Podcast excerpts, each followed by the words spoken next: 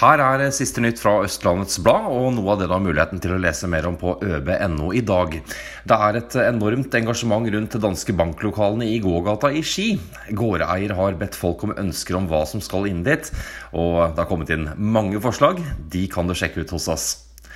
Ski videregående skole tar et krafttak mot kreft. Sammen skal bussebærerne gi en bedre hverdag for folk som har kreftformer med lav overlevelse. Også Ås-russen er klar for mandagens store krafttak mot kreft. Motivasjonen er stor på hele skolen, kan elevene fortelle. Østlandets Blad håper at mange graver dypt i lommebøkene når skoleelevene tar dette krafttaket her. Flyttingen gjorde 2018 til et krevende år for Autoria Ski. Og Du kan også lese at i begynnelsen av april så blir det et nytt tilbud på Ski storsenter. Da åpner Angel Nails and Supply i de gamle lokalene til Løstemitt.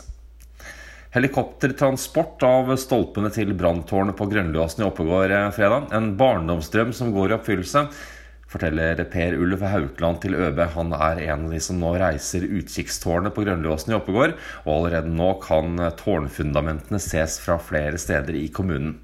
Et eh, spennende prosjekt der også. Frp vil rive stasjonsbygningen i Ås.